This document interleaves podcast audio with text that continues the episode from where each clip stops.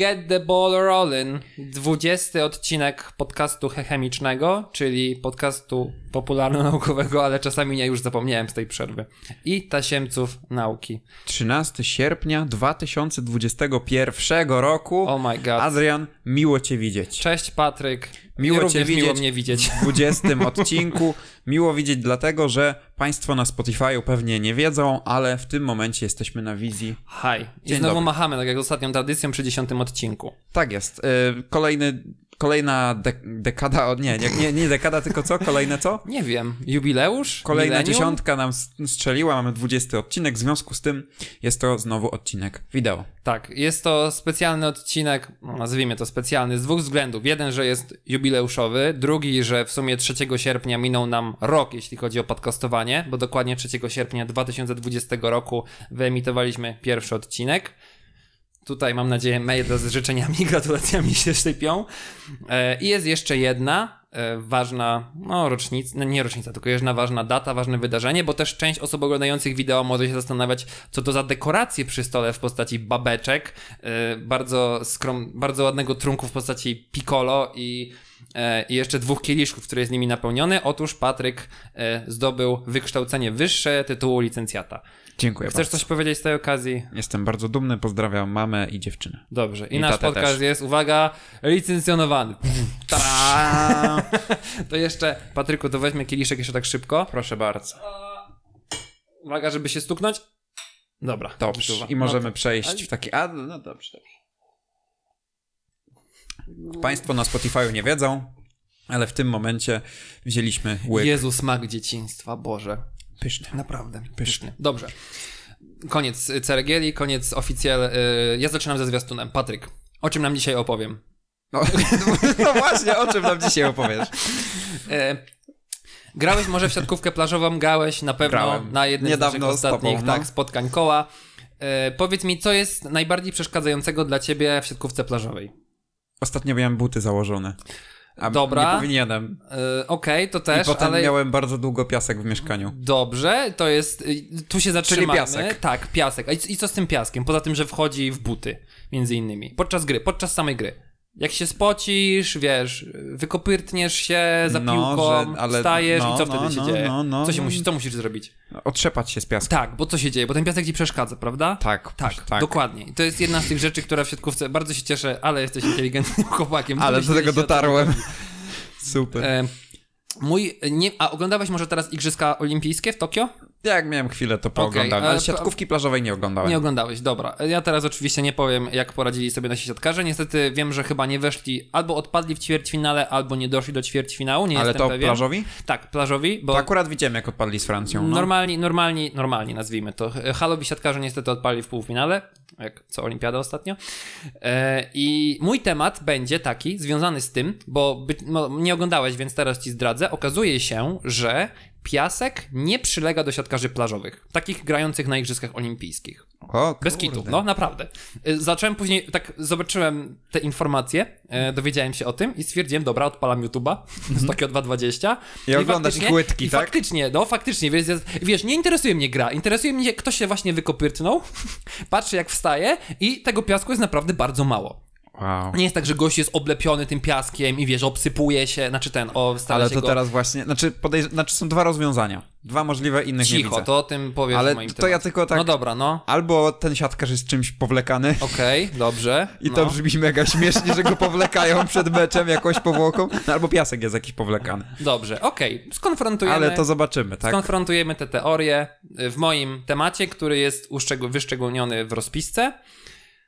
A teraz przechodzimy do twojego tematu, czyli Dobra. jeszcze może inaczej. Podsumowując, dlaczego piasek nie przykleja się do siatkarzy olimpijskich? Dziękuję. Tak clickbaitowo temat. bardzo, Fajny. prawda? Bardzo, no, świetny jest temat. Super.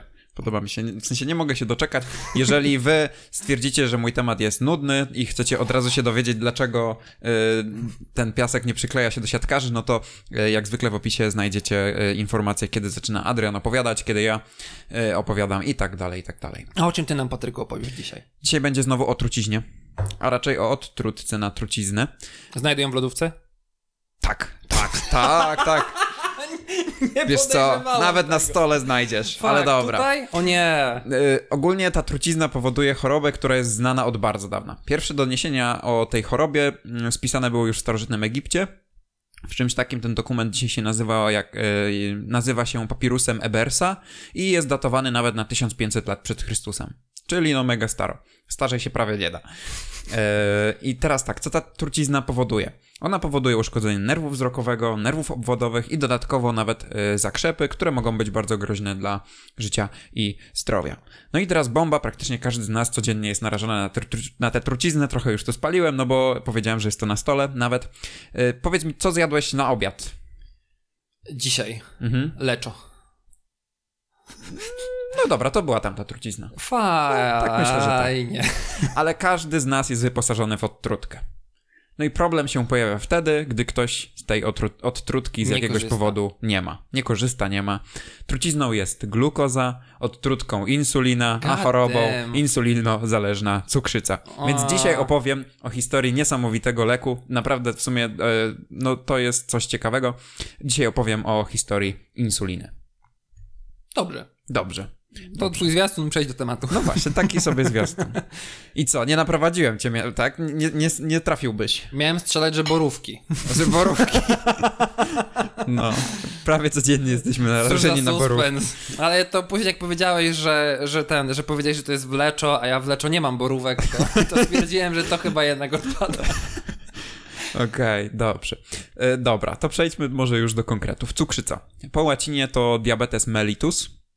Diabetes z łaciny będzie znaczyło mniej więcej cedzić wodę, lać wodę, coś takiego, a mellitus to jest e, słodki, ale taki miodowo-słodki. To od miodu pochodzi ta słodycz.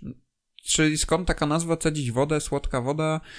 Lać wodę znam. Chodzi o glukozurię. Glukozuria, czyli mm, obecność glukozy w moczu.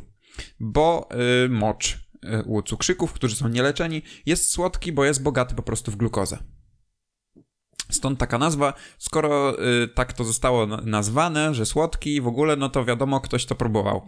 To- Ja, jakby chciałem tutaj uniknąć wszelkiego rodzaju Ej, próbowałeś, ej. No właśnie, ale w sumie to tak nie jest nic dziwnego, bo mocz, jego smak, zapach, wygląd, on od bardzo dawna, dzisiaj w sumie też, jest ważnym narzędziem diagnostycznym. I Nawet, możemy... y, nawet zresztą zrobiłeś odcinek, że nawet jest specjalnie podrabiany, No właśnie, żeby tak. nie, nic nie Więc, wyszło tam y, ciekawego. Dzisiaj jest to ważne narzędzie diagnostyczne, tylko dzisiaj operujemy nieco innymi technikami i aparatami, e, a kiedyś no to musieli badać to organoleptycznie. Ojej, naprawdę, faktycznie. No tak, i, i różne takie Ojej. ciekawe choroby można było, y, czy w średniowieczu, czy nawet wcześniej, można, można było stwierdzać problemy z wątrobą, z, z, czy z nerkami, właśnie na podstawie tego, jaki, jaki ten mocz jest. Y, Ale w sumie nieco sprytniejszym podejściem było też, ale takim trochę może mniej pewnym i trochę wolniejszym, ale zdecydowanie sprytniejszym niż picie moczu, czy próbowanie moczu, było to, że można było sprawdzić po prostu, czy moczem zainteresują się mrówki, albo jakieś takie inne owady. No, takie sprytniejsze, Okej, nie? Dobra, dobra. No dobra, to i tak diagnozowano faktycznie tę chorobę.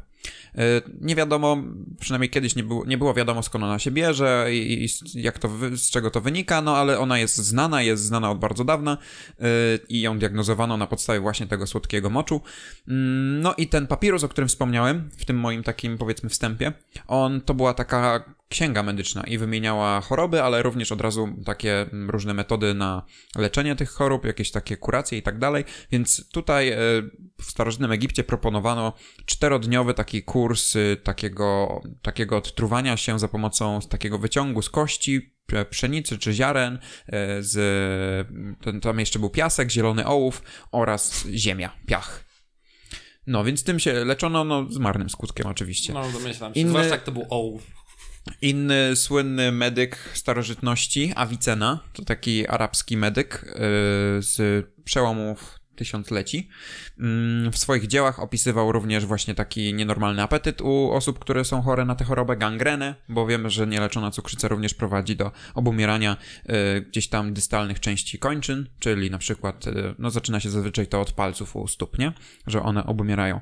Yy, No i on na, tak, na, na, na taką chorobę, na diabetykom proponował mm, miksturę składającą się z ziaren łubinu, kozieradki oraz ostryżu, no to też raczej tak e, z różnym skutkiem.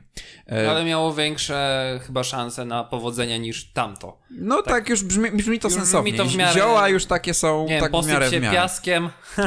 Jakby był olimpijski, to by nie spadł. Znaczy, to by spadł, nie przykleił się. Dokładnie. E, W 1776 roku lekarz Matthew Dobson, on odkrył, że ten mocz jest słodki z tego powodu, że tam po prostu jest cukier, że jest ta glukoza. To też nie było oczywiste. W związku z tym e, pomyślano, że początkowo, no skoro mocz jest produkowany przez nerki, że to jest choroba związana z nerkami, dopiero później to zostało zidentyfikowane jako choroba metaboliczna. Gdy już zidentyfikowali to, że coś jest nie tak z metabolizmem tego człowieka, który choruje na cukrzycę, no to wtedy próbowali zaradzić to właśnie od jakiejś takiej metabolicznej strony i tutaj próbowano też w bardzo różny sposób. Raz były to dobre pomysły, raz dziwaczne, bo e, w latach e, w XIX wieku można, znaczy próbowano podawać opium, ale też był pomysł No To mogło być ciekawe się skończyć. Tak.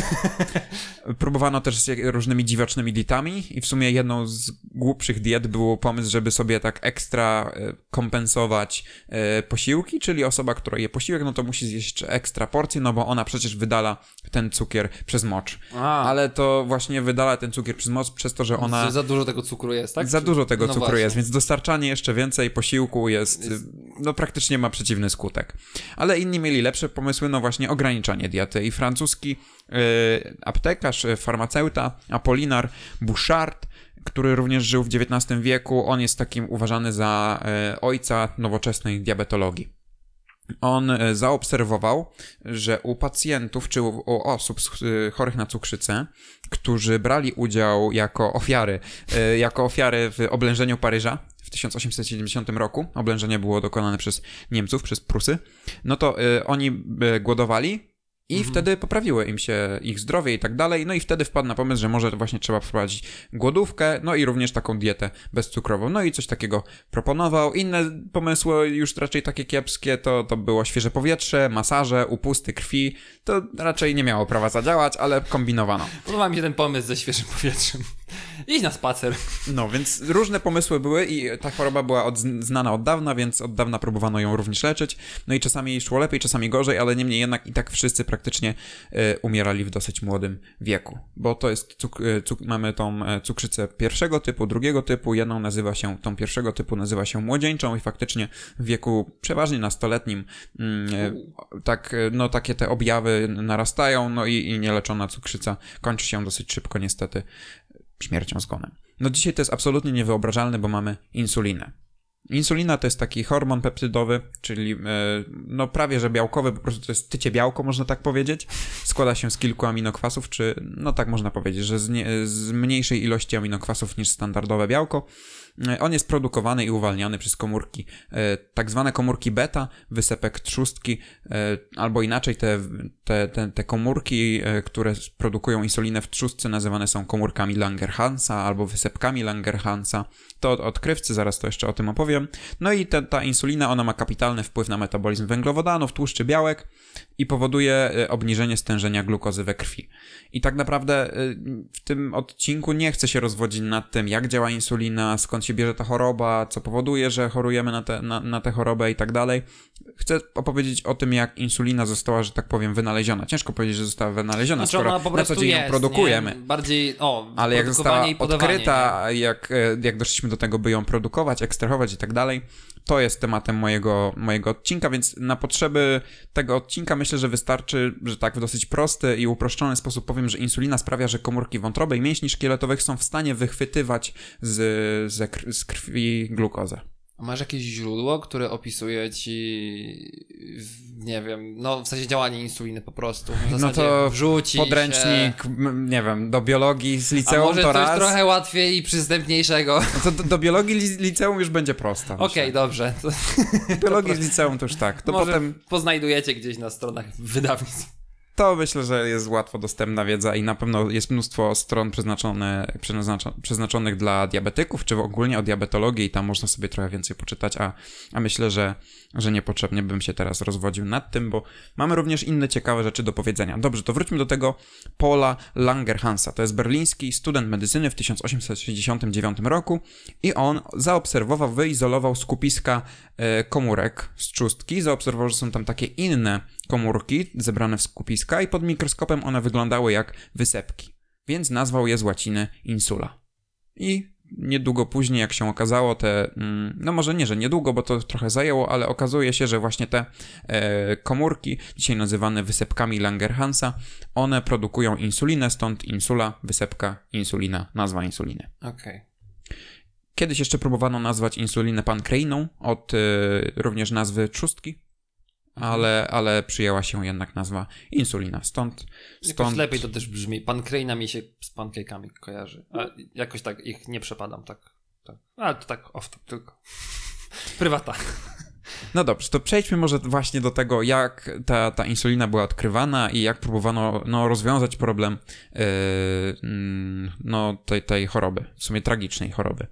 Yy, więc nieco później, w 1884 roku, Francuz Louis, Louis Vaillard i Charles Louis Xavier Arnozan, ja nigdy nie uczyłem się francuskiego, więc może wymawiam to niepoprawnie, chociaż staram się, żeby było w miarę ok. Oni odkryli, że e, zablokowanie przewodu trzustkowe, trzustkowego powoduje atrofię, obumieranie trzustki. I e, to obumieranie nie jest skorelowane e, z hiperglikemią. I zaraz powiem o co chodzi dokładniej. E, trzustka, poza tym, że jest odpowiedzialna za produkcję insuliny oraz glukagonu, innego hormonu, który jest odpowiedzialny za gospodarkę wo- węglowodanami, ale też o nim za bardzo nie będę mówił, on tak naprawdę działa dosyć przeciwnie do, do insuliny ma działanie takie, no, przeciwne, anta, antagonistyczne. E, no to trzustka jest odpowiedzialna za to, ale również ma inną ważną funkcję. Otóż wytwarza tak zwane soki trzustkowe, enzymy trzustkowe, które trafiają prosto do naszej dwunastnicy i po prostu pozwalają trawić nam jedzenie. Więc trzustka ma dwie takie różne funkcje i ci panowie odkryli, że mm, pomimo tego, że mm, gdy pojawia się nam zablokowanie tego przewodu trzustkowego, a to się czasami zdarza i to się operuje dzisiaj, e, no to, e, no to nie pojawia się hiperglikemia. A obserwowano, gdy na przykład trzustka jest zupełnie usunięta, e, no to wtedy ta hi- hiperglikemia szybko się pojawia. Hiperglikemia, czyli podwyższone stężenie glukozy we krwi. Więc zaczęto bada- badać uszkadzanie trzustki. Co zrobić, żeby, jak to się dzieje, że my uszkadzamy trzustkę, a ona dalej w pewien sposób dalej mm, zachowuje tą swoją funkcję. Włoski endokrynolog e, Giulio Vasale mm, opisał praktycznie to samo, no ale też zauważył właśnie, że to te wysepki e, opisane wcześniej przez Langerhansa, te wysepki nie obumierają. Stąd wywnioskował, że te wysepki, one są odpowiedzialne za, no one właśnie wykazują tą inną funkcję niż cała reszta e, trzustki. No i teraz tak naprawdę już bardzo blisko zbliżamy się do odkrycia insuliny, bo no zauważamy, że mamy mm, jakiś taki obszar trzustki, który sprawia, że nie pojawia się nam hiperglikemia, albo inaczej, gdy on znika, to wtedy mm, wpadamy w hiperglikemię. Więc y, tak naprawdę już bardzo jesteśmy blisko do odkrycia insuliny, ale y, i moim zdaniem te historie, o których powiem, powinny być uznane za, mm, za jakieś właśnie już odkrycie insuliny, a nie są. Trochę zostały zapomniane przez W historię. ogóle nic, y, nawet na biologii nie było nic wspominane tak naprawdę. To znaczy prawdopodobnie przez to, że materiału jest Materiału dużo na jest biologii. dużo i nie ma i czasu, trochę szkoda na tak- ciekawostki, ale no faktycznie nie przebija się do takiego mainstreamu, nazwijmy to, nie? Mhm. Ale to też mam powód, żeby właśnie dzisiaj opowiadać o, o, o, o tych wydarzeniach, ale to też jeszcze do tego dojdę. E, dobrze, to zacznijmy od pana Gleya. Eugene Gley, on e, wpadł na pomysł, by ekstrahować trzustkę e, i podawać taki ekstrakt, e, ekstrakt z trzustki pieskom. To były pieski, które, u których wywołano właśnie cukrzycę w ten sposób, że po prostu wycinano im trzustkę, Barbarzyńcy. trzustkę i tu będzie dużo jeszcze takiej historii. Barbarzyńcy, przepraszam. E, Początkowe badania, mm, badania, jeśli chodzi o cukrzycę, o insulinę, to odbywały się najczęściej na psach. Czasami na kotach, potem trochę jeszcze na wołach, ale to zawsze na zwierzętach. Szarlatani. No niestety. Więc ten pan co robił? On wycinał trzustkę psom, psy wpada- wpadały po prostu w cukrzycę, on ekstrahował tę trzustkę i podawał psom. I on, ten pan Glej, on zauważył, że gliko, ta glikozuria, czyli stężenie moczu, w, stężenie glukozy w moczu, e, ono zostało zredukowane i tak samo objawy, e, objawy cukrzycy zostały no, znacząco obniżone, czy tam no, pacjent się polepszał, pacjent w postaci psa. Czyli no, wystarczyło podać ekstrakt z trzustki psu, który był diabetykiem i w ten sposób e, mogliśmy go w stanie leczyć. To już bardzo jest ciekawe i potencjalnie przydatne odkrycie, które świadczy, że no, jesteśmy w stanie może leczyć ludzi chorych na cukrzycę. I piesek żyje. Przepraszam. Piesek no, ży- pieskom, no. No tak, chociaż bez trzustki to na pewno długo, długo też nie pożył, bo to też jest kwestia tego trawienia. Biedak. Ale tak niestety wyglądała nauka i, i dzisiaj nie mielibyśmy całego dobrodziejstwa No nie, no, insuliny, dzisiaj, gdyby dzisiaj nie. znowu by ludzie umierali na cukrzycę, nie? Tak jeszcze bardziej. No właśnie. A nie mogli żyć po prostu. No właśnie. Yy, Okej, i właśnie problem tylko był taki, by ten pan chciał się dowiedzieć, czy to, że podajemy ekstrakt z trzustki, jak gdyby która część trzustki, co spowodowało w ogóle, że, że ta mm, glikozuria została zahamowana. Czy to właśnie w ogóle cała trzustka, czy ekstrakt z całej trzustki, czy może coś specjalnego. Dlatego udało mu się e, uzyskać, e, czy wyekstrahować, czy rozdzielić tak trzustkę, że miał część i tą taką egzokrynną, czyli tą, która wydziela enzymy, tą, tą część, że tak powiem, trawienną, tą, która wydziela enzymy trawienne oraz udało mu się wyizolować e, wysepki. Osobno je podawał, no i okazało się, że faktycznie podawanie wyciągu z tych wysepek samych, ono właśnie znacząco obniżało glikozurię. No i ten eksperyment e, został powtórzony mniej więcej 25 lat później przez Bantinga i Besta, o których będę jeszcze opowiadał i oni dzisiaj są uznawani za odkrywcę insuliny. Jak się wpisze odkrywca insuliny, to ci panowie wyskakują, a tak naprawdę ten pan zrobił prawie to samo 25 lat wcześniej. Trochę niesprawiedliwość, nie? Leciutko, no.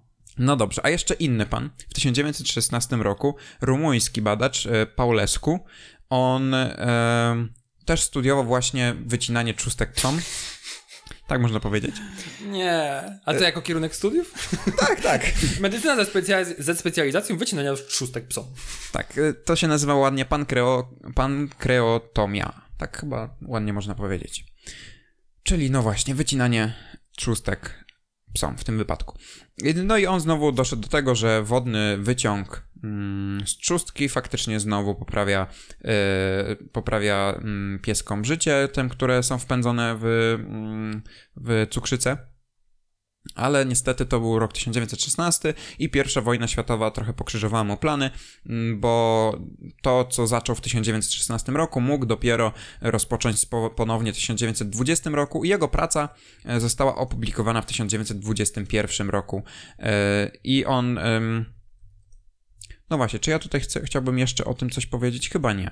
Więc, ale chodzi mi o to, że po prostu już w 1921 roku była opublikowana praca, która wykazała, że wyciąg, i to faktycznie z tych wysepek znowu, e, sprawia, że mm, ta cukrzyca jest w jakiś sposób leczona. I przejdźmy teraz do ojców insuliny, tych, którzy faktycznie e, są uznawani za tych odkrywców. Pewnie może, możesz wpisać odkrywca insuliny i wyskoczy Dobrze, nazwisko czekaj. Banting. Już lecę. Odkryca insulin, insuliny. Dokładnie Frederick Grant Banting. Insulin jest. Mm. Frederick Banting, tak. Dokładnie. To on. Więc ten pan był chirurgiem, ale trochę y, kiepsko mu się powodziło, w sensie nie miał zbyt dużo pieniędzy i musiał się parać e, wykładaniem w pobliskiej szkole medycznej.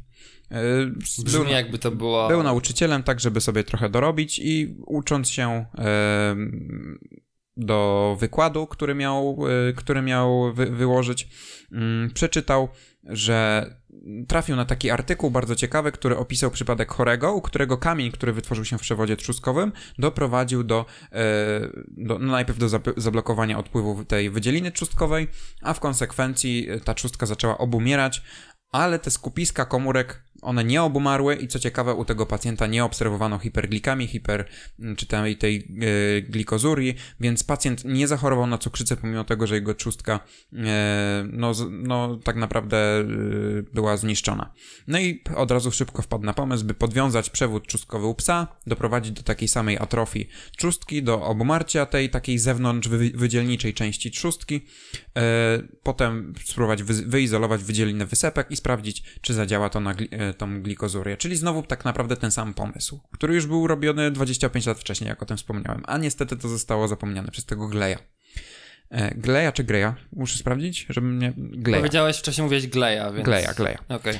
E, no więc pan udał się do kierownika swojego laboratorium, do pana profesora Johna Richarda McLeod- McLeoda. On jest jako drugi wymieniony jako odkrywca insuliny, też troszeczkę niesłusznie, o czym zaraz powiem. To był kierownik zakładu fizjologii z Uniwersytetu w Toronto.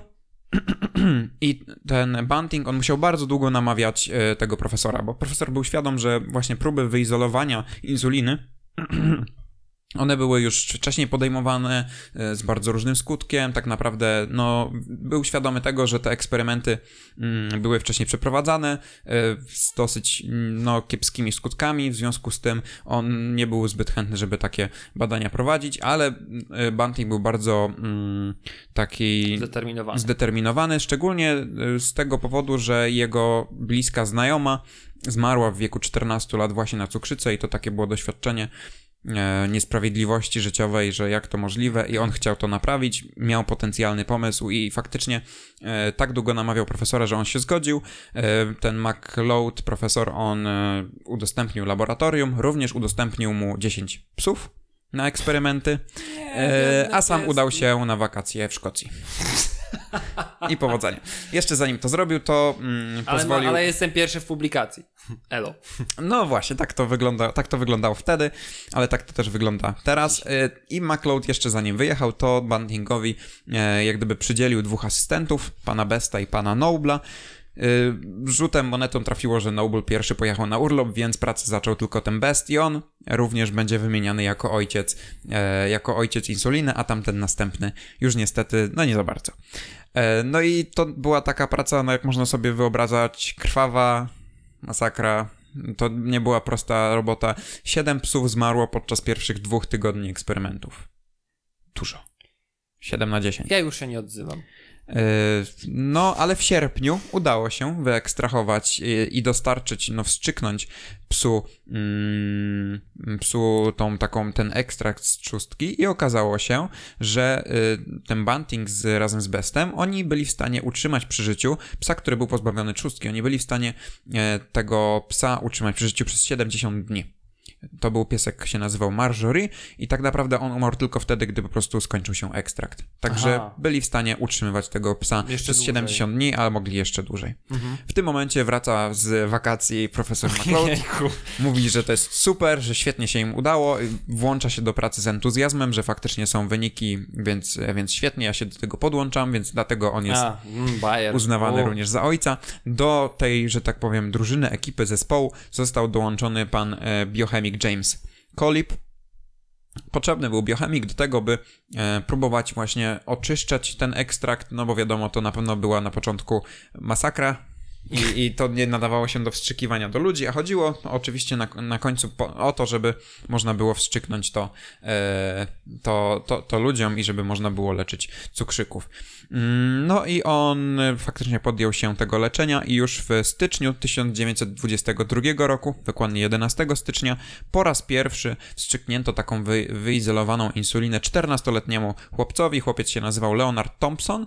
On otrzymał pierwszą, pierwszy zastrzyk, no i niestety porażka. Niewiele mu pomógł. Ojej. E, znaczy, sekundeczkę. Jego ciała ketonowe pozostały y, no dalej w, na wysokim poziomie. Ciała ketonowe to już jest taki mm, objaw, że, że faktycznie jest y, z naszym organizmem bardzo źle, tak w skrócie. To jak mówiłem, nie chcę się zagłębiać. Tylko była delikatnie zredukowana e, glikemia, tak samo jak glikozuria. No i jeszcze w miejscu wkłucia powstał ropień. Także mało przyjemne sprawy więc ten pan biochemik da, podjął dalsze próby oczyszczania tego, no i już w styczniu, znaczy 23 stycznia, czyli 13 czy 12 dni później, znowu e, ten sam chłopiec otrzymał, e, otrzymał zastrzyk i tym razem było super. To znaczy jego e, poziom cukru we krwi się znormalizował, tak Uf. samo gl- glukozuria, tak samo e, nie było już obecnej w ogóle ketonurii. Także e, no tak naprawdę, a cukier zmniejszył się z poziomu 520 mg na decylitr, czyli bardzo niebezpiecznego poziomu, do dosyć klasycznych 120 mg na decylitr. To już jest, no znaczy to ciągle jest uznawane za sporo, ale już na pewno zdecydowanie bezpieczniej i, i, i nie groziło to jego, życiu. Tak samo glikozuria, czyli mm, ilość e, glukozy w, w moczu spadła z 71 gram do 9, a ketonuria w ogóle e, zniknęła, czyli w moczu nie było w ogóle obecności ciał ketonowych, które są świadkiem tego, że już naprawdę jest kiepsko.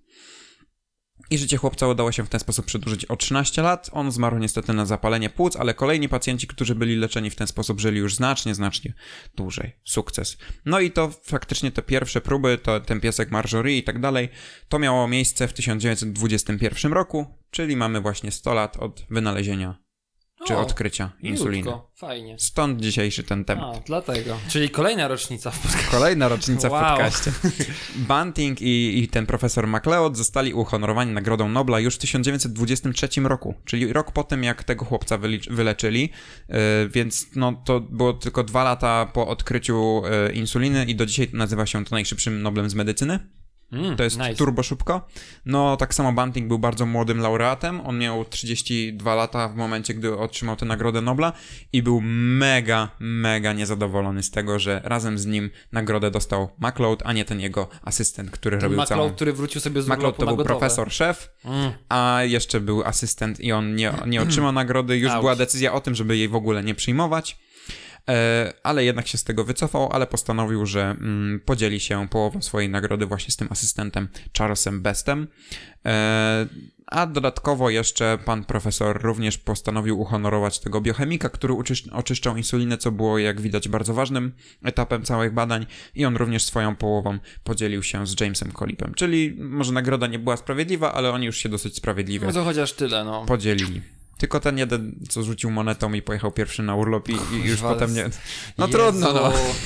Boże, nie, dobra, ja się nie odzywam po prostu. No trudno. Jezu. Ale to wow. było tak, że któryś z nich miał jechać na urlop, więc No tak, rzut to- monetą zdecydował. No ale wiesz, z drugiej strony jakby ten jeden pojechał, to ten drugi może by nic nie odkrył, to wiesz, z drugiej strony się historia mogła różnie potoczyć. Ale to jest Tak tak, jest. naprawdę tylko gdybanie takie bezsensowne. Także w tym momencie mamy czterech ojców insuliny. Mimo, że ta insulina mogła być odkryta, można uznawać, że była odkryta wcześniej raz przez tego rumuńskiego, e, ojejku, rumuńskiego Paulesku i przez pana Gleja.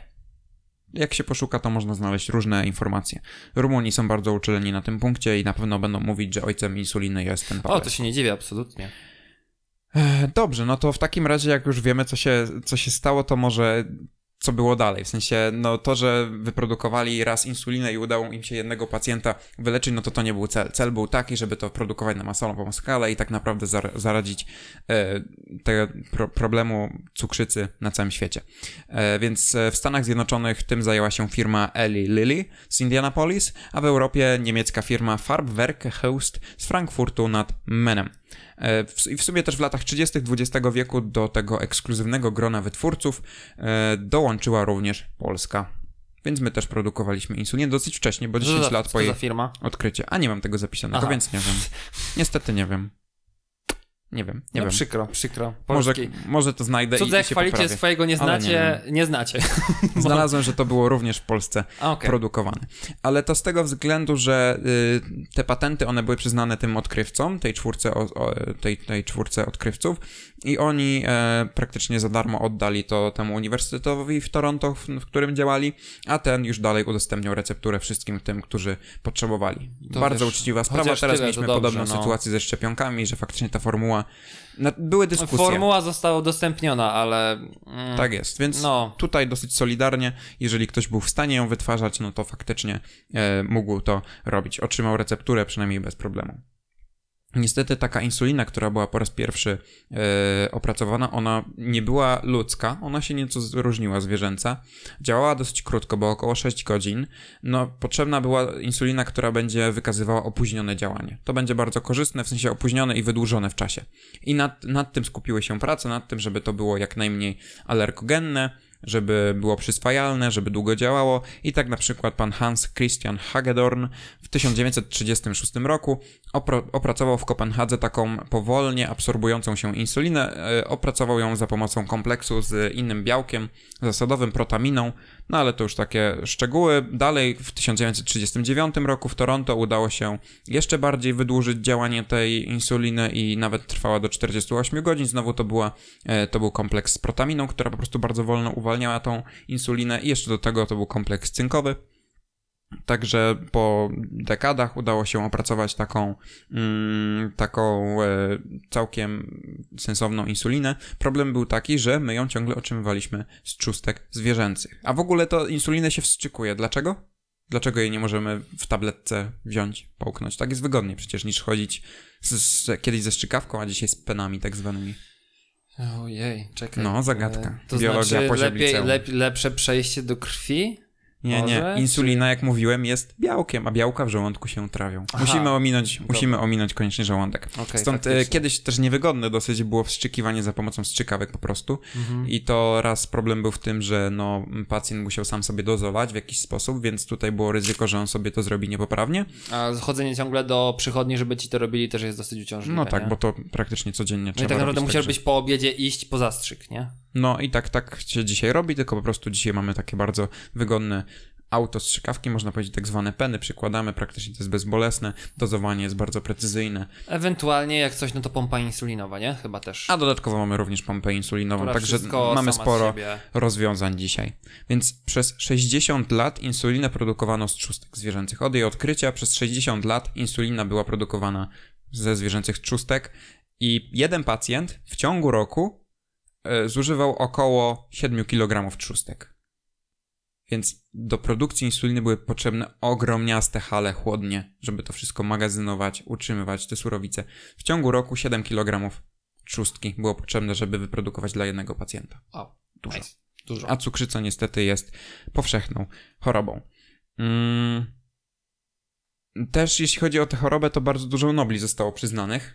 Yy, jeśli chodzi o różne inne yy, odkrycia, takie, że tak powiem, poboczne, dotyczące koniecznie insuliny, ale na przykład w 1955 roku e, brytyjski biochemik Frederick Sanger o, jemu udało się e, cał, całkowicie sek- sekwencjonować e, tą e, Bowin, to jest, jejku, zapisałem sobie Bowin. E, czekaj, E, czekaj, czekaj. czekaj. nie bawola, o, tylko- Wołowina, wołowina. Wołowina. Tak, Tak, wołową insulinę, bo ona też była bardzo często używana. Ostatnio Więc- musiałem albuminy wołowej użyć, i dlatego mi się przypomniał Tak jest. serum albumin. Tak jest, to też bardzo często. Wołowa. Zapomniałem słowa. Udało mu się całkowicie oznaczyć e, skład aminokwasów i tak dalej, więc za to odkrycie również Sanger, Sanger otrzymał e, na, Nagrodę Nobla z chemii w 1958 roku. Inna nagroda to już było odkrycie struktury i opracowanie struktury e, insuliny. E, to tutaj dostała pani Dorota Mary Crawford, Crawford Hodgkin w 1964 roku i to była mm, praca oparta na e, krystalografii. O, okej. Tak jest, X-ray krystalografii białkowa, więc i to tak naprawdę była taka, no takie pionierskie badania i jedną z, z takich pierwszych rzeczy, które postanowiono opracować, no to właśnie insulina, z tego powodu, że no fajnie by było, gdybyśmy mogli ją syntetycznie otrzymywać. Mhm, zdecydowanie. Eee, tak, z kolei jeszcze jeden Nobel, taki około cukrzycowy, że tak powiem, został przyznany w 1956 roku. Mm, nie, później, w 1977, a jeszcze jeden w 1960. Nie, dobrze, w 1977, przepraszam. Mam bałagan trochę tutaj w notatkach. Za opracowanie metody e, mm, do oznaczania cukru we krwi, który był bardzo no, przydatny e, i, i no, był w stanie monitorować poziom, e, poziom cukru we krwi. Nie powinno się mówić poziom cukru, poziom glukozy we krwi, Okej. co, co pozwala też nam dosyć precyzyjnie dawkować tą insulinę. To znaczy, no, podajemy ją wtedy, gdy potrzebujemy, tak? Mhm. Więc za to też został przyznany Nobel. Mm, no okej. I w latach 60. w laboratorium udało się syntezować po raz pierwszy insulinę. No i tutaj też wkracza biotechnologia, to straszne GMO, organizmy modyfikowane genetycznie. One dzisiaj pozwalają nam e, w kapitalny sposób produkować insulinę, bo właśnie ludzka insulina jest opracowana za pomocą narzędzi biotechnologicznych. Dzisiaj ludzka insulina jest produkowana przez bakterie, modyfikujemy ich e, DNA, wprowadzamy. e, e, Po raz pierwszy zrobiono to tak, że wprowadzono dwa różne fragmenty e, DNA, które były odpowiedzialne za, za budowę dwóch różnych łańcuchów insuliny, łańcuch A, łańcuch B. No to zostało osiągnięte w 1978 roku.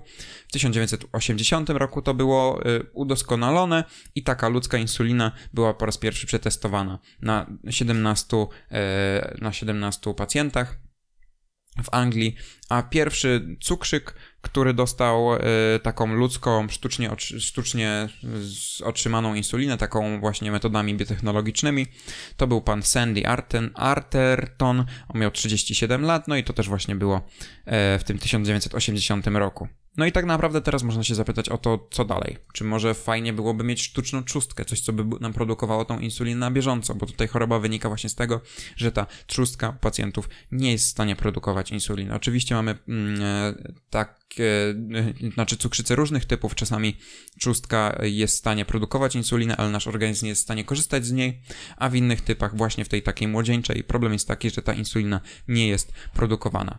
Również były próby z produkcją takiej insuliny wziewnej, i to Mhm. dosyć są niedawno, e, niedawne próby. Produkt nazywał się Exubera. E, był opracowany właśnie przez Pfizera. Mm, I to miało być właśnie środkiem wziewnym. E, To zostało opracowane w 2006 roku, ale to urządzenie, ten inhalator był takim nieporęcznym urządzeniem. Ponadto pojawiły się jakieś takie doniesienia, że to może być dosyć szkodliwe dla płuc, że może powodować jakieś choroby płuc. Również taka insulina działała krócej tak dosyć, że tak powiem, ostrzej, to znaczy był duży spadek i duży powrót te- tego poziomu cukru, to nie było takie płynne, no i tak naprawdę po dwóch latach to zostało zdjęte z rynku, bo się nie sprawdziło. Okej. Więc e, w tym momencie mamy tak naprawdę najpopularniejsze peny do wstrzykiwania insuliny i też pompy insulinowe, które to robią na bieżąco. Może w przyszłości uda nam się po prostu opracowywać trzustki jako, jako organy i one będą wszczepiane. Tak nawiązując do cyberpunkowych tematów z odcinka Sztuczna trzustka. około 16. Eee, sprawdzę, czekaj. Zagadaj tu publiczność jeszcze. No właśnie chciałem kończyć, więc teraz wiesz, Zagadaj jeszcze. niefortunnie. Jeszcze trochę, jeszcze trochę. niefortunnie, no to powiedz mi, co ja mogę powiedzieć jeszcze, bo tak 10 naprawdę w sekund. tym momencie... Czy ogólnie Chciałem chciałem, rozpocząć- powiedzieć, że temat tych sztucznych narządów jest całkiem ciekawy, przynajmniej dla mnie. Mhm. Gdzie tu jest episodes? Jest, dobra. Eee, już ci mówię. No dobrze, F, to musicie uzbroić się w cyber- cierpliwość. Ja w 11. tym momencie... 11. 11 odcinek. No proszę. Eee, jak daleko nam do cyberpunka? Tak. To, To myślałem, że ten jest odcinek. trochę świeższy odcinek. Dobrze, no już. Eee, Jakieś wnioski? Wiesz co, to no, biorąc pod uwagę, że ja mam małe poletko wiedzy w tym temacie, to tak powiem tylko wow. Ale zwrócę uwagę, no i generalnie tutaj można by trochę podywagować nad sztucznymi narządami, ale to i ja nie mam wiedzy i ty też prawdopodobnie nie masz zbytnio dużej wiedzy, więc nie ma tutaj co trochę dyskutować bezsensownie. Ale ja się tutaj do, doczepię, powiedzmy, doczepię do tej informacji, bo mówiłeś, że 25 lat przed tym takim oficjalnym odkryciem insuliny ktoś już prowadził badania nad tym i też udało mu się coś w tym stopniu odkryć, a potem te 25 lat później to było powtórzenie tego eksperymentu i poprowadzenie go trochę dalej. Mhm. Ono Jak nie to- było, znaczy to chyba nie było takie świadome powtórzenie, to znaczy ktoś to po prostu zrobił, ale to nie jest tak, że wiedzieli, że ktoś to zrobił i... i... I właśnie tu, i właśnie tu jest moje pytanie, bo to jest przez tego pana Gleja wcześniej zrobione, tak? I ty masz informację o tym, Ja czy on czytałem. jakieś wyniki opublikował, czy Ja czytałem, ale trochę nie wspomniałem o tym, bo nie znalazłem do tego szerszego źródła i szerszej informacji, ale czytałem coś takiego, że on pewnemu towarzystwu naukowemu, do którego należał, przekazał list. Aha. I powiedział, że ten list ma zostać odtworzony tylko i wyłącznie wtedy, gdy on to powie. I on w tym liście zawarł właśnie to swoje odkrycia i tak dalej. On je z jakiegoś powodu zarzucił, to swoją pracę. Porzucił je. Nie wiem dlaczego i właśnie dlatego nie chciałem o tym wspominać, ale Aha. zarzucił je i faktycznie w momencie, gdy ci panowie zyskali sławę, to on kazał otworzyć ten list i okazało się, że on już to zrobił 25 lat wcześniej. Łe, to tak Ale dlaczego ten temat został podjęty, właśnie nie wiem i dlatego wolałem to, to e, przemilczeć, bo, bo nie byłem pewien, co tutaj się wydarzyło, a nie chciałem też jakoś tak wprowadzać w błąd niepotrzebnie. Okej, trochę dziwna sytuacja w sumie, tak? Bo y, okej, bo ja rozumiem, że gdyby to było coś w stylu. Może faktycznie był problem, żeby tę insulinę oczyścić. Może, może faktycznie. Może czekał na trochę lepsze czasy, może nad tym pracował dalej Może. albo coś. Ciężko stwierdzić. No nie ma co teraz wchodzić w szczegóły. Ale właśnie zastanawiałem się, czy to jest kwestia tego, że on się poddał i nie było w tym czasie żadnych czasopism, artykułów, albo to było coś takiego, że on to wydał, ale wiesz, nikt tego nie spotkał. No bo nie ma, w tamtych czasach nie było internetu, że sobie teraz No tak. wchodzimy w jakiegoś Skopusa czy Google. Faktycznie to mogło zaginąć po prostu Tak, tak. czy Scholara i ktoś tego nie, nie zauważył i później 25 lat ktoś podjął się tego, te- tego samego tematu. No bo wiele jest wynalazków, które wielu ludzi opracowało w dokładnie tym samym czasie, Mhm. tylko o tym nie wiedzieli i wygrywał ten, który miał na to pierwszy patent. Dokładnie. Tak, Taka nie wiem, czy tak było chyba z Tesla, telefonem. Edison i tak dalej. Tak, na przykład Tesla Edison. No dobra, u Tesla Edisona to jest chyba bardziej kwestia tego, że Tesla coś robił, a Edison to podkradał czasami. Ale to też. To też Edison mogę... potrafił w marketing. Tak, trochę tak, właśnie. I, i właśnie chciałem nad tym, nad tym zapytać, bo, bo to też jest taka kwestia trochę. Fajnie się patrzy na historię z perspektywy historii, nie z czasów, w których żyjemy. Mhm. Chodzi mi o to, że gdzieś czytasz w podręczniku, że w tym i w tym roku, powiedzmy, Einstein wypuścił taką i taką pracę o tej swojej teorii względności. No i wow, to tak się wydaje, że cały świat na to czekał, że media trąbiły wszystko, pompowały, że Jezu, teraz jest przełom. Tak naprawdę nic się nie działo, życie żyło życiem, nie? Tak. No, tak na, na tej zasadzie, że dopiero po jakim czasie to trzeba docenić. No kto wie, może właśnie ktoś teraz wypuszcza pracę z jakimś odkryciem takim przełomowym. Ale Dzisiaj my- mamy taką klęskę raczej urodzaju, bo Tak, jest na tyle, to, dużo, na tak. tyle dużo e, artykułów i prac i tak dalej, że z tego gąszczu, ten gąszcz po prostu może powodować to, że jakaś taka cenna praca gdzieś zaginie. Dokładnie. A wtedy było dosyć na odwrót, to znaczy po prostu nie było narzędzi do tego, by rozpowszechniać w prosty sposób tych prac, nie? Mhm, żeby nie było się dzielić się, Mhm. dzielić się wynikami, no i to na pewno usprawniłoby w jakiś sposób proces badawczy. Ale no I właśnie do końca nie wiem, do końca nie wiem, co się wydarzyło, że, że ten temat nie został podjęty Okej, te 25 lat wcześniej. dobra. nie ja, ja, nie mam, ja nie mam więcej pytań, kończę dyskusję. To tylko, tylko do tego mogłem się tutaj doczepić. Dobrze, dobrze. I współczuję życia cukrzykom ogólnie, tak generalnie, to też No niestety, ale no faktycznie te wynalazki... Ale cieszę się, że im się, że, że sobie radzą. O. Mhm. I że są narzędzia, które im pomagają i że nauka też im pomaga tutaj w tym. Jak najbardziej. A i też życzymy zdrowego życia, bo można sobie samemu cukrzycę zafundować przez bardzo niezdrowy tryb życia. A to też, tak, to swoją drogą. No. Dobrze, to co, to przechodzimy w takim razie do twojego tematu? Tak, ja przechodzimy do mojego tematu. E, idziemy na boisko pograć siatkówkę plażową. Robimy le, pierwszą lepszą akcję, w wyniku której lądujemy na ziemi. No i oczywiście biorąc pod uwagę, że prawdopodobnie jest ciepło, bo jest lato, a my się spociliśmy, bo jest ciepło i się ruszamy, to lądując w tym piasku, znajdujemy piasek na swojej skórze i musimy go oczywiście się oczyścić, co też nie jest łatwe, bo ten piasek się właściwie przykleja tak naprawdę, nie? I inna, jeszcze gorzej, jeżeli ten piasek się przyklei do piłki, bo wtedy gdzieś tam w środku akcji może nam ten piasek wpaść do oczu i to już w ogóle robi się bardzo nieprzyjemnie, bo, bo to wszystko boli. Ale do rzeczy, tak od samego początku. Czym w ogóle jest piasek? O, To w ogóle można, bo- można by nakreślić, bo to z jednej strony wydaje się oczywiste, ale z drugiej strony to e, zobaczcie sobie zdjęcia piasku pod mikroskopem. To znaczy ogólnie piasek e, to są takie małe, można powiedzieć w dużym skrócie, bardzo małe kawałki dużych skał. To są bardzo małe, bardzo duże skały kiedyś, tylko które powstały w wyniku jakiejś erozji, jakiegoś rozłupania. Głównie oczywiście ich skład jest zależny od tego, z jakiej skały pochodzą, z, jakiego, z jakiej skały wcześniej wcześniej się rozłupały. Głównie za piasek przyjmuje się e, SiO2, czyli kwarc. Ja zawsze się śmieję, że to jest SiO2. Ziarna te mają nieregularne kształty, przez co jeżeli, bo może się tak wydawać, że jeżeli wypełnimy sobie szklankę taką przezroczystą piaskiem, no to można powiedzieć, że on do siebie przylega, natomiast nie, tam gdzieś między tymi ziarnami one oczywiście gdzieś pod mikroskopem, jak je zobaczymy, to będą miały nieregularne kształty i między nimi powstają pory. I właśnie te pory są bardzo ważne, ponieważ jeżeli będziemy mieli sytuację, w której piasek przylega do skóry, mamy trzy, trzy przypadki. W pierwszym mamy suchą skórę i suchy piasek i w tym scenariuszu ten piasek się nie przyklei, po prostu spadnie. Miałem iść do piaskownicy, żeby sprawdzić to, ale już mi się nie chciało, plus jest gorąco, więc byłem spocony, więc mój eksperyment by się nie udał. Drugi przypadek to jest wilgotna skóra i suchy piasek i tutaj piasek będzie przylegał do skóry i to wszystko będzie za sprawą sił adhezji. To znaczy, adhezja jest niczym innym jak oddziaływaniem międzycząsteczkowym tutaj między jakimiś substancjami, w tym przypadku to jest nasza skóra i nasz piasek. I na naszej skórze z racji tego, że się pocimy jest ona wilgotna i to oczywiście jest tam, znaczy głównie woda, nie? No bo tam pot zawiera jeszcze inne, inne związki przy okazji, ale nie wchodźmy w to. Ten piasek zaczyna oddziaływać z tymi cząsteczkami wody, zaczyna się do nich przyklejać właśnie tutaj y, myślę, że to jest na zasadzie głównie oddziaływań wodorowych, to znaczy, że wodory z grup, y, wodory od tych cząsteczek wody gdzieś oddziałują z tymi tlenami z grup y, krzemianowych, czyli tego kwarcu, bo piasek, jak mówiłem wcześniej, jest głównie kwarcem. I te cząsteczki wody następnie za, ze sobą zaczega, zaczynają do siebie przylegać też właśnie przez wiązania wodorowe. Tu można to, to się nazywa zwykle kohezją i tutaj można powiedzieć, że tworzą się takie mostki między ziarnami.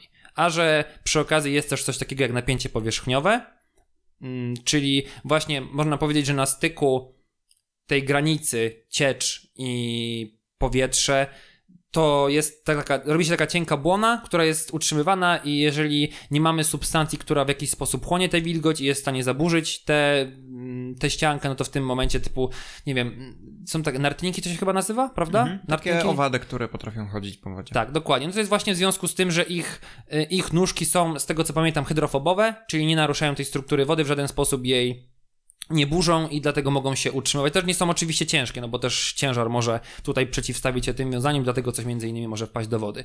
Jest jeszcze trzeci scenariusz, to jest mokra skóra yy, i znaczy mokra, sucha skóra i mokry piasek. I tutaj w tym przypadku, biorąc pod uwagę, że tak jak mówiłem wcześniej, piasek z wodą zaczyna się zwilżać. Tutaj akurat jeżeli mamy luźnie piasek, to ta woda wchodzi między te pory. I ten piasek zaczyna się nasiąkać tą wodą, staje się cięższy i tutaj akurat ten ciężar tego piasku przezwycięża mm, siły, znaczy i ciężar jest i siła grawitacji, która jest z tym ciężarem związana, trochę przeciwstawia, znaczy jest wyższa niż te siły przyciągania piasku do skóry. No, między innymi, czy to suchej, czy to wilgotnej. I dlatego też, na, jeżeli mamy mokry piasek, to on nam od razu właściwie spada. I tutaj możemy od razu przejść do tego naszego pytania, co zrobić, żeby ten piasek nie przylegał. I tu jest takie pojęcie, które nazywa się drenażem. Drenaż jest tak z definicji to jest sztuczne lub naturalne usuwanie wody z danej powierzchni. I w przypadku drenażu piasku, bo oczywiście o nim mówimy tutaj w tym temacie, ten drenaż zależy od wielkości ziaren, bo tak jak mówiłem wcześniej, woda wchodzi w ziarna, wchodzi w te pory między ziarnami. Mhm. Jeżeli te pory będą bardzo małe, to ta woda tak naprawdę nie będzie miała gdzie uciec, tak mówiąc trochę kolokwialnie. I jeżeli będziemy mieli odpowiednio duże ziarna, to ta woda po prostu między nimi spłynie. I, i tak naprawdę to, to tyle. I ważne jest też to, żeby ten piasek był czysty, czyli miał mało mułów. E, muł to jest nieutwardzona skała, to jest mieszanina pyłów i iłów. One mają oczywiście różny skład mineralny i mają też dosyć duży dodatek substancji organicznych, które znowu też wpływają na te właściwości wody, sensie, że ona się tam siłami adhezji i kohezji trzyma. Ważna jest też ziarnistość piasku. Właśnie tutaj to pojęcie związane z wielkością, e, bo mamy różnego rodzaju piaski. Może być piasek drobnoziarnisty, te ziarna mają, tak statystycznie tutaj znalazłem takie ujęcie, że jest od 0,1 do 0,25 mm, czyli są bardzo małe. Ten piasek jest wtedy bardzo zagęszczony i bardzo trudno odprowadza tę wodę. Jest piasek gruboziarnisty, tam pół do 1 mm i bardzo gruboziarnisty od 1 do 2. I tutaj ta przestrzeń między ziarnami jest bardzo duża, te pory są bardzo duże, ta woda tak naprawdę przez nie właściwie przelatuje. I ten piasek właściwie tą siłą grawitacji, no to po prostu jakbyśmy polali kamienie, kamienie wodą, nie? To ona zaraz tam spłynie, dosyć mała liczba, ilość wody się na tych kamieniach osadzi. No piasek jest po prostu takim mniej, małą, dużą skałą, taki gru, gruboziarnisty. I, yy, i przechodząc do siatkówki, co to ma, co to ma tak naprawdę do, w związku z tą siatkówką, to jeżeli my w ogóle przeczytamy ranking Międzynarodowej Federacji Piłki Siatkowej, czyli FIVB, mhm. y, punkt 1-2, czyli dotyczący powierzchni gry, to tam znajdziemy kilka Powiedziałeś punktów. ranking. Regulamin. Regulamin, przepraszam, tak. Y, to tam znajdziemy kilka punktów. Że powierzchnia musi być złożona z wyrównanego piasku, możliwie płaskiego, jednolitego, bez kamieni, muszelek i innych elementów grożących skaleczeniem, jasne. Piasek musi być minimum 40 cm głęboki, i złożony z luźno y, zagęszczonych ziaren. E, ciekaw jestem, ile, jak to się ma w odniesieniu do takich, wiesz, dzikich boisk plażowych, mm -hmm. nie? Gdzieś tam. Czy one też są w miarę takie, powiedzmy, no nie, że tym restrykcją, ale tak ogólnie, czy ta warstwa piasku faktycznie jest jakaś taka wystarczająco głęboka. Powierzchnia gry nie może stwarzać żadnej, żadnego ryzyka kontuzji dla graczy, oczywiście. I najważniejszy jest tutaj punkt 1, 2, 4. W światowych i oficjalnych zawodach FIVB piasek powinien być przesiany do akceptowalnego rozmiaru, niezbyt gruby, wolny od kamieni i niebezpiecznych cząstek. Nie powinien też być zbyt drobny, żeby nie powodować przywierania kurzu do skóry. Okej. Okay. I no i tam jeszcze jest punkt, że jest zalecana plandeka, gdyby był deszcz. No. Więc tak naprawdę wszystko sprowadza się do tego, że ten piasek nie przylega, bo jest odpowiednio przesiany, czyli mhm. nie ma żadnych zanieczyszczeń. Rozmiaru. Jest odpowiednio grubo ziarnisty, przy czym szukając nie znalazłem informacji, jak grube są to ziarna, no bo jeżeli one będą zbyt grube, no to też będzie to trochę nieprzyjemny ten piasek, żeby na nim grać i też może tam ewentualnie, może nie, że spowoduje kontuzję, ale może być po prostu niekomfortowy do grania. I, I tutaj o to, o, o to zanieczyszczenie i o, to, o tą grubość chodzi. I tutaj też znalazłem takie całkiem fajne fajne, mm, jejku, czekaj, jak to powiedzieć, po prostu cytat, jest y, Kerry Walsh Jennings, Mhm. to jest y, trzykrotna medalistka Igrzysk Olimpijskich w siatkówce plażowej, pochodzi, znaczy reprezentuje drużynę Stanów Zjednoczonych, y, w Igrzyskach Olimpijskich w Pekinie 2008 y, powiedziała między innymi takie zdania, ten piasek jest fantastyczny, jest taki miękki, że łaskocze w stopy. I to naprawdę, y, wiesz, bo ogólnie to, to jest chyba, nie wiem od którego, chyba od 2008 roku. Tutaj nie jestem pewny tej informacji, ale gdzieś w tych okolicach chyba zaczęto właśnie zwracać uwagę na ten piasek. Żeby on był odpowiedni, czyli się nie kleił, był czysty, był odpowiednio gruboziarnisty i w, w Igrzyska 2008 były w Pekinie, tam specjalnie sprowadzało się ten piasek. Później były igrzyska tam, której z kolei w Rio de Janeiro w 2016 i tam ciekawostka, tam te plaże, które swoją drogą chyba wszystkie plaże Brazy- Brazylii są sztucznie utworzone, tak, tak gdzieś spotkałem się z tą informacją, Okej. chociaż jest do potwierdzenia i tam te plaże, na których się grało, nie trzeba było w ogóle sprowadzać piasku. Tamten piasek, można powiedzieć, był idealny do tego, żeby tam grać. Prawdopodobnie trzeba było go oczywiście oczyścić, trochę przesiać, ale baza była bardzo dobra. I też znalazłem y, informację, że do tych igrzysk w Tokio 2021 sprowadzono 3,5 tysiąca ton piasku z Wietnamu do stworzenia specjalnego boiska, do siatkówki plażowej. No i chciałbym kiedyś zagrać na takim boisku, zobaczyć, czy to się faktycznie nie Faktycznie, czy przylepia. jest miło. No, czy, czy jest miły, czy jest taki miękki, że aż łaskocze w stopy. A najlepiej jakby był jeden obok drugiego, taki wiesz, zwykły. Tak, zwykły, tak, i żeby sobie od razu porównać, nie? No. I to tyle. Świetnie. Koniec. W sumie czekaj. W sensie ja się... A, jest, jest 9,5 minuty, czyli zajęło mi to. Myślałem, że, myślałem, że bardzo szybko to zajmie.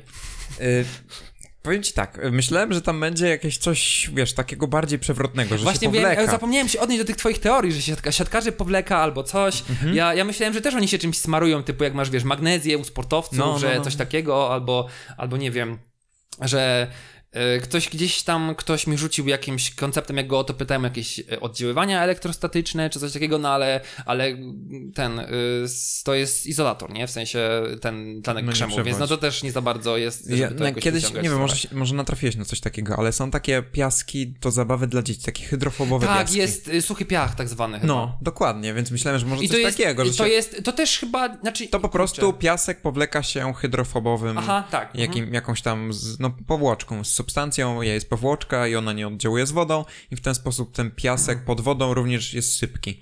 A no wiadomo. Tak. jak Mhm. piasek jest w wodzie, no to sypki nie jest. Dokładnie, no. Y, to tutaj po prostu chodzi o rozmiar i czystość. Tak, tak po, tak po prostu. Tak po tak prostu. po prostu. I ktoś może się za, zastanawiać, y, dlaczego taki krótki temat i dlaczego ten temat. No ten temat dlatego po prostu przyszedł mi w jednej z prasówek y, i stwierdziłem, że wow, to ciekawy tytuł, bo tytuł dokładnie brzmiał tak samo. Dlaczego piasek nie przylega do siatkarzy olimpijskich, plażowych? I tak czytam. I w ogóle artykuł to było na zasadzie dwa akapity. To było, nie wiem, 8-10 zdań i stwierdziłem, nie, dobra, zrobię z tego podcast, lol, bo to jest 20 odcinek w sumie, niech będzie jakiś tam bardziej specjalny czy coś takiego, bo ogólnie to ja też mam, miałem dzisiaj przygotowany przegląd, będzie sobie ładny temat, mam 11 stron notatek, więc to kolejna była, wiem, że mam, czy mam nadzieję, że szykowaliście się pewnie jakieś znowu godzinę, półtorej godziny mojego gadania, stwierdziłem, że sobie tym razem tak przewrotnie pogadam 5 do 15 minut, wyszło mi 10, także spoko. To No. wiesz co, to ja to potraktuję jak takie y, nadrabianie godzin antenowych moich. Tak, No, tak. Bo to zazwyczaj ja miałem te krótsze tematy, czasami nawet znacznie, więc tak, godziny antenowe dzisiaj zostały mi przekazane. No i generalnie to fajna sprawa, bo y, biorąc pod uwagę, że wrzesień i sierpień mamy dosyć zajęty, to też chciałem powiedzieć, że tutaj następny odcinek będzie gdzieś dopiero w okolicach października, Pewnie tak. ale że mam, ja przynajmniej mam gotowy temat, to zobaczymy jak się Patryk wyrobi, to chcieliśmy zrobić konkurs. Dokładnie. Tak, y, chcieliśmy jest. zrobić konkurs. Konkurs Uwaga, teraz, teraz wszyscy włączamy YouTube, bo to będzie konkurs audiowizualny. Y, musicie zgadnąć, o czym będzie następny odcinek. Do zobaczenia za miesiąc, nasi przyjaciele. Nie. A, tak? Nie, znaczy nie wiedziałem, że tak ma będzie wyglądać ten konkurs. Nie, no tak, to znaczy macie, A, macie dobrze, napisać, macie dobrze. napisać e, w komentarzu, jaki będzie temat następnego odcinka. Znaczy z mojej strony oczywiście, Mhm. nie z twojej strony. Okej. Y, Ja tutaj właśnie na YouTube pokażę. Pokażę wam podpowiedź. Mam nadzieję, że będzie dobrze widoczna. To, to jest. y, To jest symulator miecza długiego. Gdyby ktoś jednak nie oglądał na YouTubach, to jest miecz, którego ja używam sobie podczas moich treningów y, tak zwanych dawnych europejskich sztuk walki, skracanych do szermierki historycznej. To jest wasza jedyna podpowiedź. No i tak naprawdę jeszcze na... informacja taka, że no nagrodą będzie książka, którą ja serdecznie polecam. Ty ją, Adrian, też w końcu przeczytałeś, Tak, tak? ja ją przeczytałem i też ją bardzo polecam. Nazywa się Mózg chce więcej dopamina. Tak jest. Świetna Jest- książka. Y, W sumie może kiedyś to był taki nawet przyczynek do tego, że ten podcast powstał. Tak, myślę, że tak. To jest ogólnie e, nakreślając tak trochę, to jest książka o roli dopaminy na działanie naszego organizmu. To jest jedna książka, która dosyć mocno mi trochę otwarła takie mm, postrzeganie działania organizmu ja jako tego, co ja chcę robić i, i czym to jest spowodowane. I jedna z takich książek, która skłania mnie do myśli, że nie ma czegoś takiego jak wolna wola. I zajawiając jeszcze, y, ta książka świetnie wyjaśnia, dlaczego Einstein był kobieciarzem i nie był w stanie wytrzymać zbyt długo w jednym związku. I to mu pozwoliło na to, że był w stanie opracowywać niesamowite rzeczy. I Nice. pracować nad niesamowitymi rzeczami. Dokładnie. Ja bardzo książkę polecam i dlatego też zdecydowaliśmy się ją oddać w ramach konkursu. No i tak jak mówię, na YouTube pierwszy komentarz, kto pierwszy, ten lepszy, e, napisze, no to będzie po prostu zwycięzcą. Jakoś tam skons- skonsultujemy się z nim indywidualnie. Tak jest. No i żeby tutaj właśnie nie robić żadnych konkursów w stylu, nie wiem, polubcie nasz fanpage i na Facebooku, Instagramie dajcie hashtag coś w stylu e, wygraj se chemiczny, bla bla bla, bo ja tego nienawidzę po prostu. Jeżeli mamy taką prośbę z okazji naszego roku, to ewentualnie, jeśli chcecie, czujecie się zobowiązani, to polećcie komuś nasz podcast po prostu. Możecie... Tak jest. To będzie tak miły zasadzie, prezent dla nas z okazji Że... Tak. roku nagrywania 20 Dokładnie. odcinków. Jeśli jeszcze nie daliście nam suba przez rok, to też możecie to zrobić. E, ale mówię, otwarte, grając w otwarte karty, jeśli chcecie, to proszę bardzo, jeśli nie, no to no nie, nie będziemy was bić, bo nawet nie wiemy. Mam tu taki ładny rekwizyt do bicia, ale no niestety nie wiem, nie wiem, kto nie subskrybuje od roku, więc, więc nie mam pojęcia nawet do kogo się udać.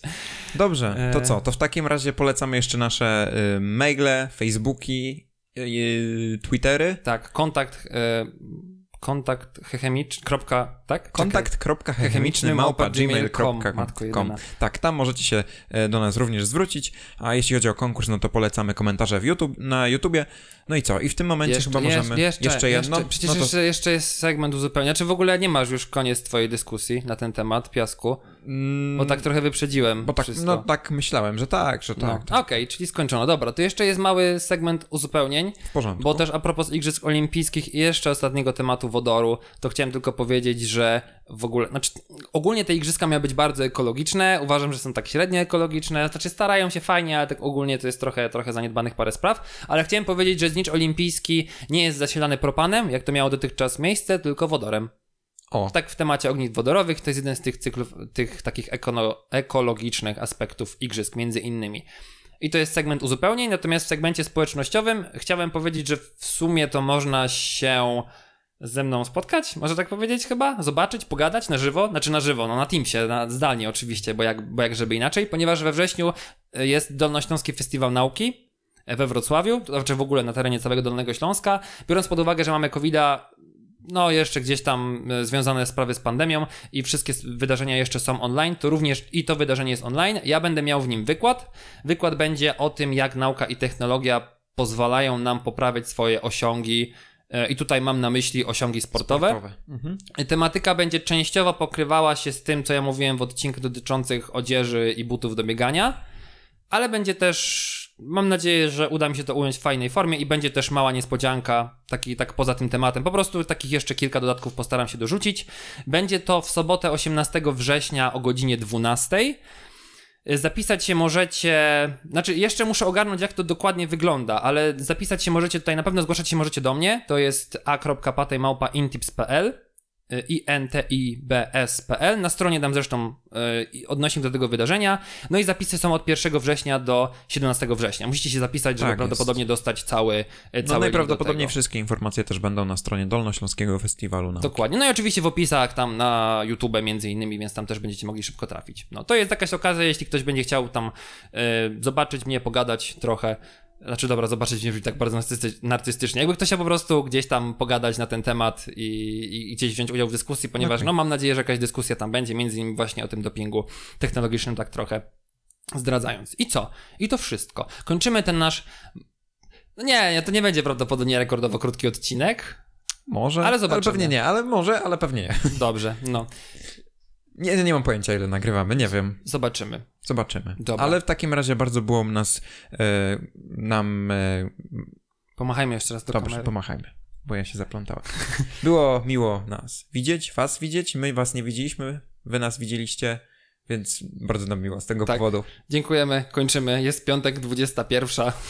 Tak czas, na, czas na imprezę z okazji roku. Dobra, trzymajcie się, na razie, hej, cześć, Hej, pa. pa. Thank you.